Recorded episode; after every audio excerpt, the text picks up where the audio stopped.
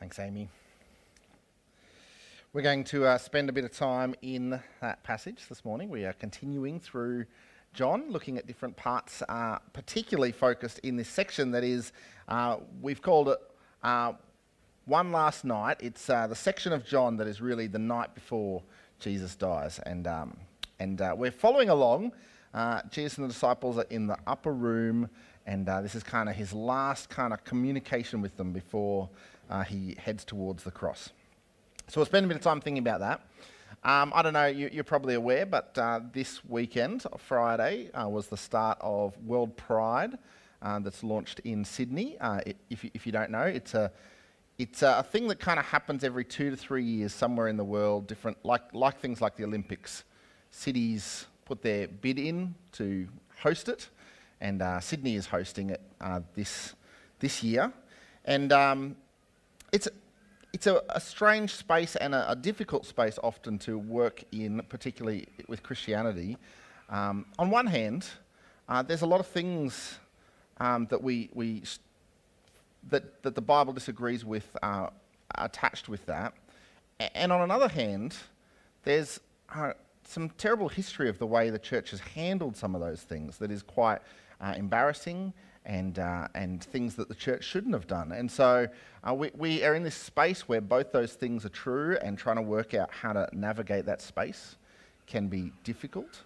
Um, it feels a little bit like uh, we're surrounded by a number of issues like that at the moment. I don't know how you feel in uh, your space and world that you live and operate in, but uh, things like the, the progressive woke movement, um, things like that, feel like there's a, um, you know, I, I, know some of you in schools, uh, in, in roles with children, trying to work out what some of this will look like. It feels like a little bit like this tide that's coming in, uh, maybe even like a tidal wave that's going to inevitably crash down, and uh, lots of questions over how we handle things like that.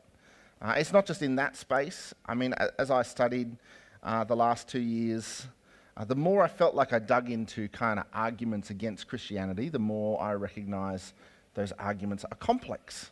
And just as much as there's a group of Christians that want to prove the Bible is true, there's a group that aggressively want to disprove the Bible. That's true when you look at things like field of archaeology. There's Christians that are so eager to prove things archaeologically true that they overreach and they make claims about things that are, are too much assertions that are not helpful. But just as much as that's happening, there's another group that are going to overreach the other way and try to find uh, anything to dis- that, that might be a, a, hint of disproof of the Bible and, and lean into that space. Uh, the same thing's true as we think of uh, other atheistic kind of movements, the, the space of science, this antagonistic kind of approach to science that's just trying to find any way to disprove the Bible. Uh, some of these things just feel like, I mean, they're not new, but they feel like, I don't know if you feel it, but feel like at times there's just this uh, push that is just uh, unrelenting and it can be quite exhausting. Uh, I know I, uh, I just started, just commenced in my role officially this week, but it makes me look forward to retirement. I mean, I know it's early days, uh, and I'm not saying I, wanna, I don't want to work or something like that, and I, am not saying I don't love ministry, I do. I, just I like the idea of feeling like getting to a place of, of an end of achievement and say, I, I want to be in a place, I'd love to get to a place where I can say, I've run my race well and, and I've, I've faced these things well. Uh, and uh, it feels like that's still lots of things to come, lots of questions. Uh, and it's not just questions over the, how these things impact us, it's questions on how we engage with these spaces. And as we come to this discussion with the, the disciples, the night before Jesus dies, there's this, there's this huge tension that's going on. And it's a tension not just on what might happen to them, but it's a tension on what they might do as they engage in that. That's, that's what's going on in this scene as Jesus speaks to his disciples. Uh, the disciples have reason to be concerned about what's coming. I mean, tension has been rising. Uh, as you read through the Gospels and the story of Jesus, you can see this tension rise between Jesus and particularly the religious leaders. Um, if you follow uh, John's story, the way he tells it, a significant point is actually the raising of Lazarus from the dead. At that point, it seems like the religious leaders really draw a line in the sand and they go, enough is enough. Like this guy is getting too many followers. What he's doing is too oppositional. This is we, we got to put a stop to it. And, and John tells us it's at that point they say, time for Jesus to die. Uh, not only that, as Lazarus walks around, the new raised to life guy, he is a testament to Jesus' ministry. And so John tells us a short while la- later, the religious leaders say, also, Lazarus should die. And you've got to feel for Lazarus at that point. I mean, he's already done it once, just came back to life, and a whole bunch of guys are already trying to finish him off. Uh, the disciples are in that same space. This is the kind of aggressive opposition they face. And, and then we get this picture of Jesus coming into Jerusalem and it's not like flying in under the radar, right? The triumphant entry is a huge celebration. People are shouting and screaming that Jesus is the king that's arrived. So uh, it's got to be twofold for the disciples excitement, you know, people are getting on board with this, and also we aren't able to make a quiet entrance into Jerusalem this year. Everyone knows we're here. The, the religious leaders don't want us here. Uh, and, and the tension has reached a pinnacle, they are in this kind of closed room upstairs. If the tension is not already high enough, Jesus then starts saying silly things like, he's going to die. Like, if, if they're not already concerned that's going to happen, the guy they're following is telling them that's going to happen. Uh, and if that's not enough, if that's not enough, the guy that amongst them seems like the boldest of them all, Peter, when he steps up to Jesus and says, You know, I'm going to follow you to the grave, no way am I going to step down, Jesus says, Actually, Peter, you will deny me three times. You've got to imagine, you know, disciples looking in on that scene. I mean, Peter's the guy that shows up to the Garden of Gethsemane strapped with a sword, right? He's the guy in the disciples that you think if one of us was going to kind of hold fast in the tension, he's the guy. And, and Jesus said, No, even Peter will fall away. Tension is high, fear is high, not just what's going to happen to them, but how they're going to respond to that. In fact, that is the main context of this section. The very verse before what we read, where Jesus says, Don't be troubled, the very verse before that is Jesus saying to Peter, You will deny me three times. You almost fear, you almost feel the, the, the silence in the room when Jesus says, Peter, you're going to deny me three times. Something happens in that moment that Jesus goes, These guys need some comfort in this moment. And his next sentence is, Don't let your hearts be troubled. Trust in God, trust also in me. And Jesus spends this next little time giving comfort to his disciples in this tension. He says, In my Father's house are many rooms. It's quite interesting that Jesus uses this phrase, Father's house. It's not a common phrase. The only other time John says that Jesus says those words, Father's house, is right at the very beginning of his ministry, where he clears the temple. You might remember the story. Jesus goes in the temple, chases the people that are selling stuff in the temple out, and he says, You've made my father's house a den of thieves. Uh, and he chases them out. So Jesus uses this phrase, father's house, to talk about the temple. Uh, here, he doesn't seem to be talking about the temple. I mean, first of all, he says it has many rooms. Uh, it seems something, something different. It, it's, it's likely he's, he's talking about heaven, but that's not the disciples' language of heaven. Uh, the Jews would use language more like Zion or Jerusalem as a d- description of, uh, of a, a, a new heaven, a new hope the significance of Jesus using this phrase of his Father's house is a message about God's presence.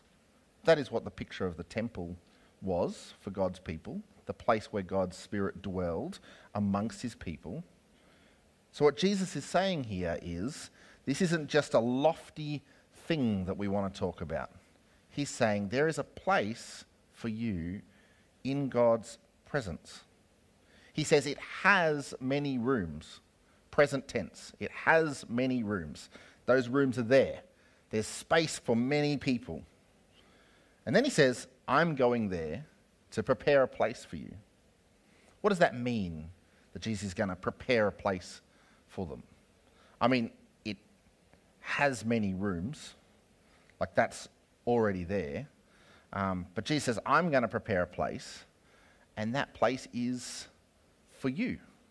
Jesus is saying, there will be a home for you with the Father. The point here is that this is not our home. But Jesus is saying there is a home. Your home is with the Father. It makes, it makes significant difference when we think about where our home is and what we're doing in this life if this is not our home. I remember um, years ago when I was in high school, I uh, climbed Mount Wilhelm in Papua New Guinea. So Mount Wilhelm is the tallest mountain in New Guinea. Um, it's, you know, it's, it's 4,700 metres above sea level. It's twice, um, just under twice anything that's in Australia. Um, to be fair, it's not like we hiked up from sea level to the top. Um, in fact, my, my father is a pilot, so we kind of cheated and he flew his plane uh, to just shy of base camp. Um, parked it there on the runway, just like, you know, parking the bus. And we hopped out and we hiked up to base camp. I remember the night sleeping at base camp before we, we hiked. Um, and that someone had built this wooden shelter to sleep in for the hike. That way, you don't have to carry tents and stuff like that. You go into this w- wooden shelter. Uh, it's high altitude, so it's quite cold. Um, and uh, there's a whole gr- bunch of guys, and, and the bed was just this big timber, and it was made of logs. Like it wasn't a flat piece of timber, it was just logs lying side by side. And, uh, and I remember uh, we, we packed in there. There wasn't a huge issue with cold because we were so packed in. We were so packed in, my memory of it is when one, one person rolled, everyone had to roll. Like it was like, and it was not pleasant. I mean, it was, you were looking forward to the hike because you just were like, I just need to get out of this, this space. Now, there's something there, right? You go through something like that because you're doing it for a purpose. There's, there's a task at hand. And the other part of you is you just have to keep telling yourself this is, you know, a temporary thing. This is not the place that I'm building a comfortable life. This is, I'm here for a purpose. And that's a similar concept when we think about the idea of this home is not our home and there is a heavenly home. That that is the place where there is comfort and this is the place where we are here for a purpose. And, and, and that is part of the message Jesus wants to say that there is a place for us. But he also says he is preparing that place. What does it mean he's preparing uh, a place for us? He actually uses a few phrases here. It kind of gives us this timeline that feels like it should help, but it, it feels like it's also confusing. You can understand why the disciples are confused what he's saying. He says, I'm going there to prepare a place for you. And if I go and prepare a place for you, he says, I will also come back and I will take you to be with me. So, what, what is the timeline of this preparing a place? What is happening there? Uh, we certainly see that there's a message that he's going to come back and, and, uh, and take people to be with him. Seems like he's talking about more than just his resurrection and coming back to the disciples and then ascending to heaven. The taking to be with him seems to talk about something further down the track there. But the context of what he's talking about right here in going is the cross. This whole conversation in the room with the disciples, he is saying, I'm going, I'm going, I'm going. I'm only going to be with you a little while, and then I'm going. That this is all talking about what is happening the next day in the cross. So when Jesus is talking about, I'm going to prepare a place, it seems more than just kind of he's up in heaven, you know, he's a, he's a carpenter's son. He's, he's not just up in heaven building rooms and building mansions for people in heaven. There's something happening more immediately than that. The, the preparing that Jesus is doing is the cross, death, resurrection, and ascension. All of that is what is happening here when Jesus says he is preparing a place for you this is not just, you know, Jesus is not up, like, up in heaven making beds, like preparing for the guests to arrive. Right? He made the bed. It was his deathbed was the bed that he made. He's not just putting out towels for us to use. No, he's done the, the washing clean in his sacrifice on the cross. Jesus makes access to this place with God possible. That's what the preparing is. He's making it possible by preparing. But he also tells us that he's m- making a way to get there.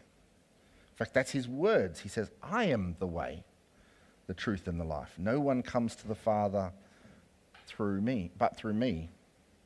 The hope here, the comfort here, is that Jesus is the way. And that can be a comfort as we think about how we might face opposition in this world, how we might engage with people uh, in this life. There's a, there's a great fear, you know, when you're talking with someone that you'll say the wrong thing or that, you know, you'll misrepresent Jesus. There is a comfort to remember that Jesus is the way, we are not the way, and we point people to Jesus. We point to him as the way. And, and while we're not always going to do even that perfectly all the time, and we know that we will fail, there is something incredibly comforting to know that he is the one that is drawing people to him because he is the way, the truth, and the life. That is the comfort. It's also a helpful reminder, I think, for us to not get distracted by the other social political things that are, are going on.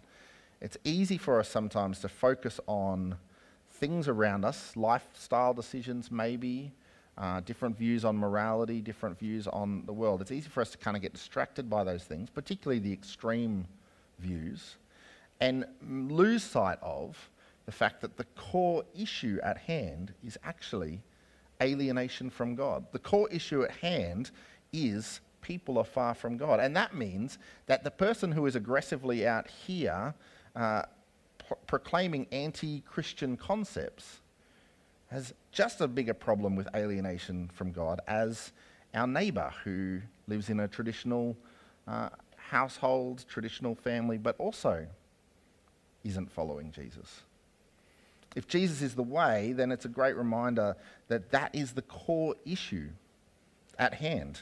This is what um, Don Carson says when he's talking about people that are really overly focused um, on uh, small kind of peripheral issues that oppose Christianity. He says this from a biblical theological perspective, these challenges, those things that he's talking about, as serious as they are, are reflections of the still deeper problem our alienation from God.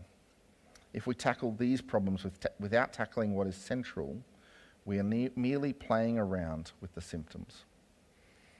We see a real clear image of that in the way Jesus deals with the um, adulteress, the story of the adulterous woman, and, and a whole group of people are about to stone this woman for she's been caught in adultery.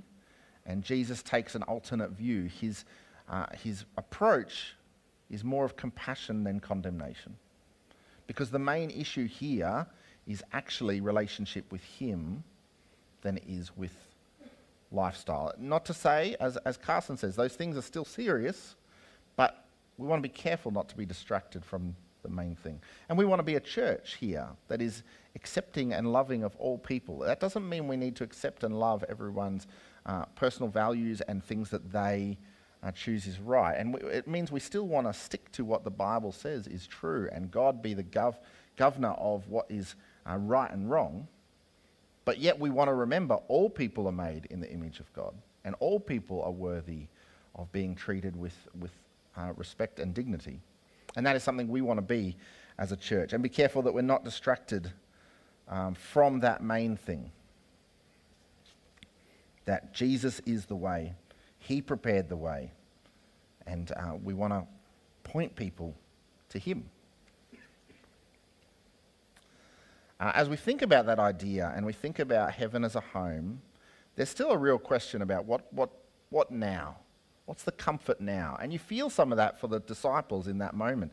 In fact, if you follow the questioning that the disciples have in that upper room, Um, there's a number of questions. They, they just kind of keep drilling Jesus about trying to solve the question where is he going?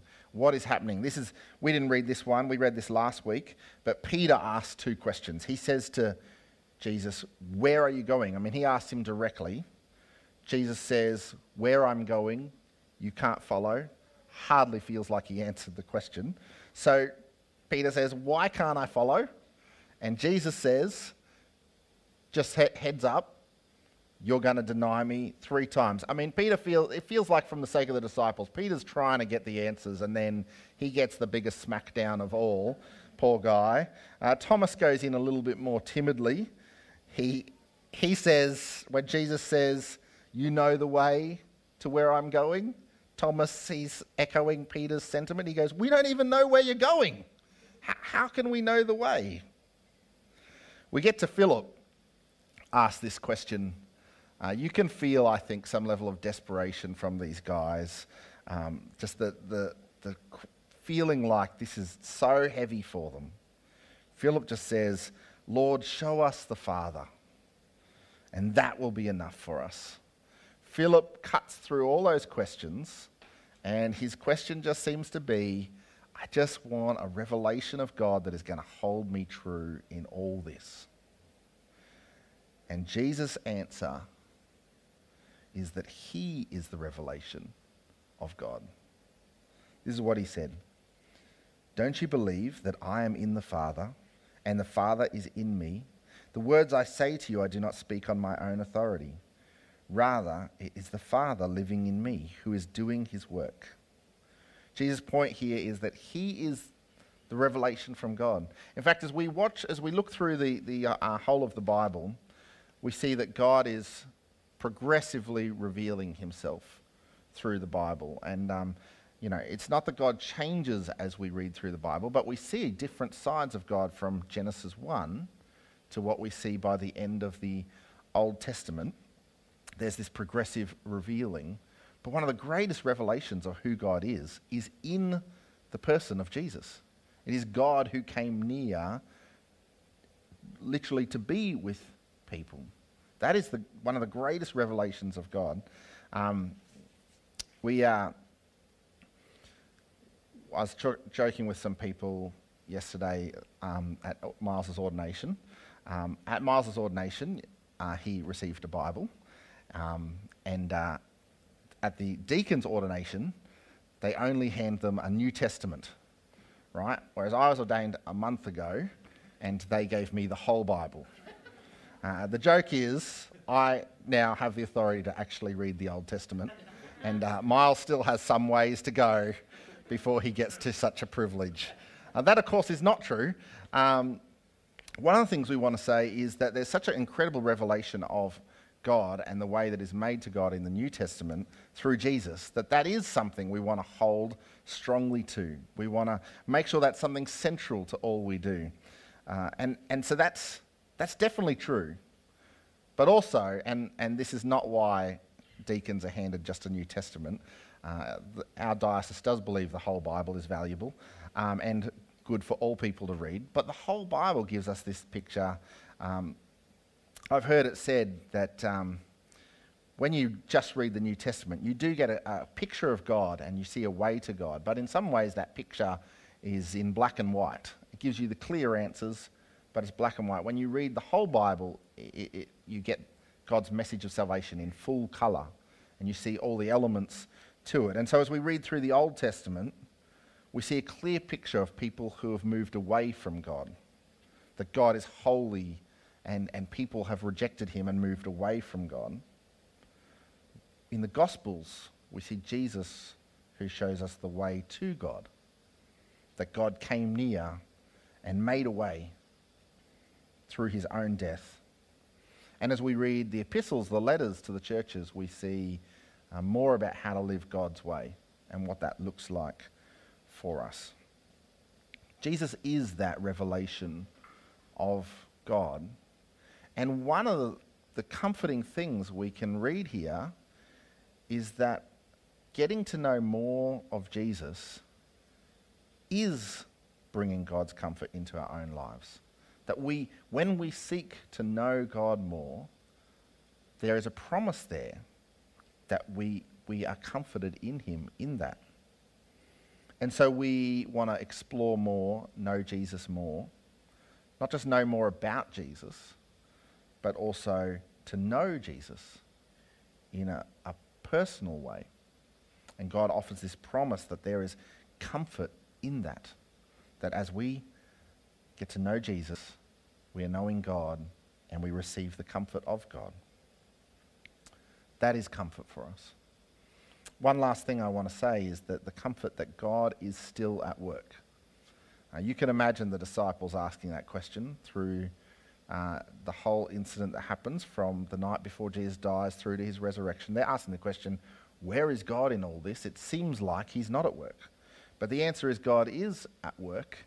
And Jesus gives the disciples this incredible, incredible promise. Let me read it to you again. This is what he says, verse 12 Very truly I tell you, whoever believes in me will do the works I have been doing, and will do even greater things than these, because I am going to the Father. What a, what a crazy idea that God's people will do greater things than Jesus is already done, doing. I mean, you look at Jesus' ministry and you think, that's, that's, how could that be? But as we follow the story of the disciples, it becomes clear that God does use them in ways in their ministry that Jesus didn't even see in his earthly ministry. For example, Peter at Pentecost, when the Holy Spirit is poured out on him, he preaches, and we read in Acts that 3,000 people are added to their number that day. I mean, Jesus has crowds following him, but it doesn't seem like Jesus kind of has those kinds of numbers of people that actually get it and actually click. God does something powerfully through the Holy Spirit in Peter where people aren't just following him because of the, you know, the, the miracles that he's doing, but actually we're seeing transformation in people to put their faith in God. We see it in Paul's ministry. I mean, Jesus plants zero churches in his time. I mean, arguably, he plants the church in Jerusalem with the, the disciples, but really, he empowers the leaders who then plant the churches. But the early disciples, Paul, I mean, it's hard to know how many churches Paul planted, at least in 14 cities, Paul has had churches started. Uh, might be multiple churches in those cities. There might have been other churches that were planted along the way, but at least 14 churches Paul planted. Uh, God used his disciples uh, in the early church in powerful ways. But even beyond that, we see, as we look throughout history, that the message of Christianity has gone from a small group of guys, 11 guys with Jesus, huddled in this room, fearful of what the future holds that group has grown to a global movement of Jesus followers. Eh, it's helpful for us to be reminded of that, that it can feel like Christianity is going backwards. And certainly in the West, we have a whole era where people became Christian in name only and not really followers of Jesus. And that has come out really clearly. And so, where the numbers of Christians are dropping, and it's possible that actually the number of people who are genuine followers of Jesus isn't dropping. One of the phenomena we see in our census in Australia is that the number of people who write Christian on the census is decreasing rapidly each census. But actually, the number of people who attend churches on a Sunday is increasing. You see what's happening there? The number of people that call themselves Christian and the number of people who are actively living out lives for Jesus, one is decreasing, the other is increasing. God is still growing his church. And it's true that there might be times and in places where we see the number of genuine Christians diminish. But what is clear from what Jesus says, and we've seen throughout history, is the kingdom of God is like a mustard seed. That's what Jesus describes it as. Starts small and grows into this huge tree. And that has continued to happen. And Jesus is promising that that would happen, that he would work powerfully through his people to see incredible things happen. We've seen that, we continue to see God's kingdom grow.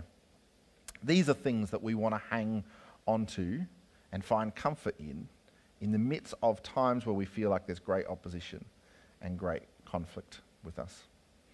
We're going to spend some time um, in prayer, and, and some of that will be thinking about some of those things. And I'm going to invite Beth up, and she's going to lead us in that.